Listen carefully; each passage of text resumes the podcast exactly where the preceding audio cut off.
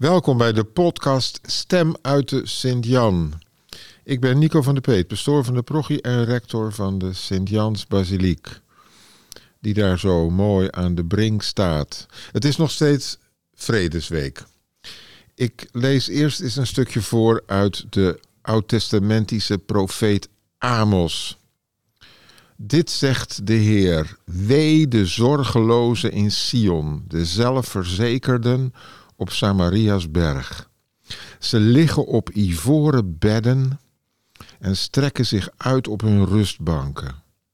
Ze eten de lammeren van de kudde op en de kalveren uit de stal. En uit de eerste brief van Paulus aan zijn gezel en reisgenoot Timotheus. Dierbare, streef naar gerechtigheid, godsvrucht, geloof, liefde, volharding, zachtmoedigheid. Strijd de goede strijd van het geloof. Grijp het eeuwig leven. En dan het verhaal van Jezus volgens Lucas, beroemde gelijkenis van de rijke man en de arme Lazarus. De grote tegenstellingen in onze wereld. In die tijd zei Jezus tot de Fariseeën: Er was eens een rijk man die in purper en fijn linnen gekleed ging en iedere dag uitbundig feest vierde, terwijl een arme, die Lazarus heette, met zweren overdekt voor de poort lag. Hij verlangde ernaar zijn honger te stillen met wat bij de rijkaard van de tafel viel. Maar er kwamen alleen honden die zijn zweren likten. Nu gebeurde het dat de arme stierf en door de engelen in de schoot van Abraham werd gedragen. De rijke stierf ook en kreeg een eervolle begrafenis. In de onderwereld, ten prooi aan vele pijnen, sloeg hij zijn ogen op en zag van verre Abraham en Lazarus in diens schoot. Toen riep hij uit: Vader Abraham, ontferm u over mij. En geef Lazarus opdracht de top van zijn vinger in water te dopen en mijn tong daarmee te komen verfrissen, want ik word door de vlammen hier gefolterd. Maar Abraham antwoordde: Mijn zoon, herinner u hoe jij tijdens je leven een, jouw deel van het goede hebt gekregen en hoe op gelijke manier aan Lazarus het kwade ten deel viel. Daarom ondervindt hij nu hier de vertroosting, maar word jij gefolterd. Daarom gaat er tussen ons en u voorgoed een wijde kloof, zodat er geen mogelijkheid bestaat, zelfs als men zou willen, van hier naar u toe te gaan, nog van daar naar ons te komen. De rijke zei: Dan vraag ik u, vader, dat gij hem naar het huis van mijn vader wilt sturen, want ik heb nog vijf broers. Laat hij hen waarschuwen, opdat ze niet eveneens in deze plaats van pijniging terechtkomen. Maar Abraham sprak: Zij hebben Mozes en de profeten, laat ze naar hen luisteren. Maar hij zei: Och nee, vader Abraham. Maar als er een uit de doden naar hem toe gaat, zullen ze zich bekeren. Hij echter sprak tot hem: Als ze naar Mozes en de profeten niet luisteren, zullen ze zich ook niet laten overreden als er iemand uit de doden opstaat. Tot zover de stukjes uit de Bijbel voor deze week. Amos spreekt over de lammeren van de kudde en de kalveren uit de stal. Hoe heerlijk is het wel niet, een stukje kalfsvlees of een lamsboutje. Ik beken, ik vind het smakelijk en bezondig me er wel eens aan. De profeet Amos verwijt zijn tijdgenoten dat zij de jonge dieren opeten. Of zeg maar, de toekomst moet eraan geloven, terwijl ze uitgestrekt liggen op ivoren bedden. Nog zo'n taboe, dat majestueuze dier, de olifant, opofferen aan menselijke prachtlievendheid. De jonge dieren en ivoor. Jullie verzwelgen de toekomst, is het grote verwijt. Wat de natuur ons aanbiedt als voedsel, als grondstoffen voor de toekomst, maken mensen schaamteloos op. En wat wij deze week zien gebeuren, 80 jaar na de Tweede Wereldoorlog, mobilisatie, jonge mannen, de toekomst van een volk worden naar het front gestuurd. Wij horen deze stevige woorden van de profeet in de Vredesweek, de tijd van gebed om gerechtigheid en vrede. Streef naar gerechtigheid, zegt Paulus. Godsvrucht, geloof, liefde, volharding, zachtmoedigheid.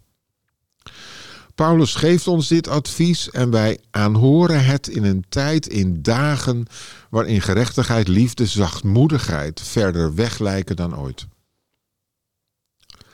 Paulus bereidt ons niet voor op de oorlog, zoals een enkele geestelijke leider in onze dagen wel doet. Ga maar naar het front, zegt een oorlogzuchtige patriarch.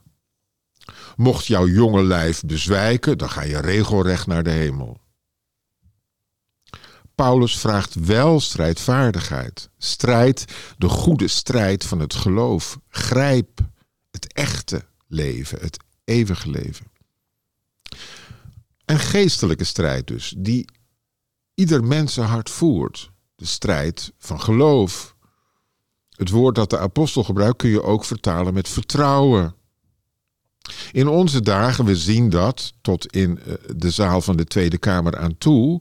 In onze dagen vraagt het iets van je. Het geloof, het vertrouwen te cultiveren. Tegen de stroom in. Ons koor zingt op deze zondag een heel mooi oud Latijns gezang. Het heet Memento Verbi Tui Servo Tuo. Gedenk betekent dat. Gedenk, Heer, het woord tot uw knecht gesproken, waardoor u mij hoop hebt gegeven. Dit is mijn troost in al mijn ellende. Dat zijn woorden uit Psalm 119, dat is het grote wijsheidslied van de geloofsgemeenschap van Israël. Strijdkreten, oorlogstaal, de complotverhalen maken mensen angstig en wanhopig. Het menselijk woord geeft hoop. Gedenk, Heer, het woord tot uw dienaar gesproken, waarop ik mijn hoop heb gesteld.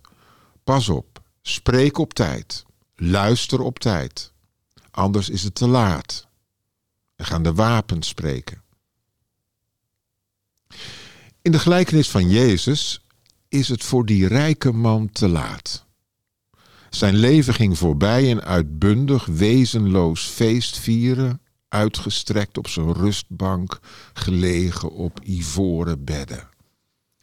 Hij heeft de jonge dieren van de kudde niet opgespaard voor de nieuwe generatie en voor de armen aan zijn poort, maar opgesoupeerd.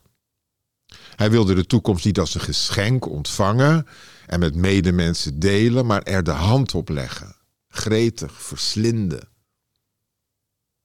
Zelfs in het diepst van de hel wil hij nog de dienst uitmaken. Stuur die arme Lazarus, die hij in zijn aardse leven nooit een blik waardig had gekeurd, nu naar mijn feestende broers, laat hij hen waarschuwen. Het antwoord: zij hebben Mozes en de profeten. Laat ze naar hen luisteren. Nee, gedenk nu het woord tot de mensen gesproken, het woord van gerechtigheid, godsvrucht, zachtmoedigheid. Laat je niet gek maken door de grote schreeuwers. Maar werk nu zachtmoedig aan een goede toekomst voor de jongeren, de kinderen, de armen. En zie nu om naar Lazarus, de arme van deze wereld, die voor onze poort ligt, op zoek naar bed, bad en brood. Spreek niet langer over de armen, maar spreek met hem, met haar. Sta naast haar of hem, nu je nog tijd van leven hebt, nu het nog niet te laat is. De jonge dieren opeten. De jonge mannen offeren op het slagveld. Van de toekomst kunnen we beter een voorsmaak proeven dan die te verslinden. Als je in de kerk komt, Bijvoorbeeld in de Sint-Jan, in elke Eucharistie, in elke mis, vieren we alvast iets van die toekomst, zoals God die ziet, zijn droom, zijn rijk van gerechtigheid, geloof, liefde, zachtmoedigheid. Zoals Jezus zijn brood en wijn deelde met zijn leerlingen.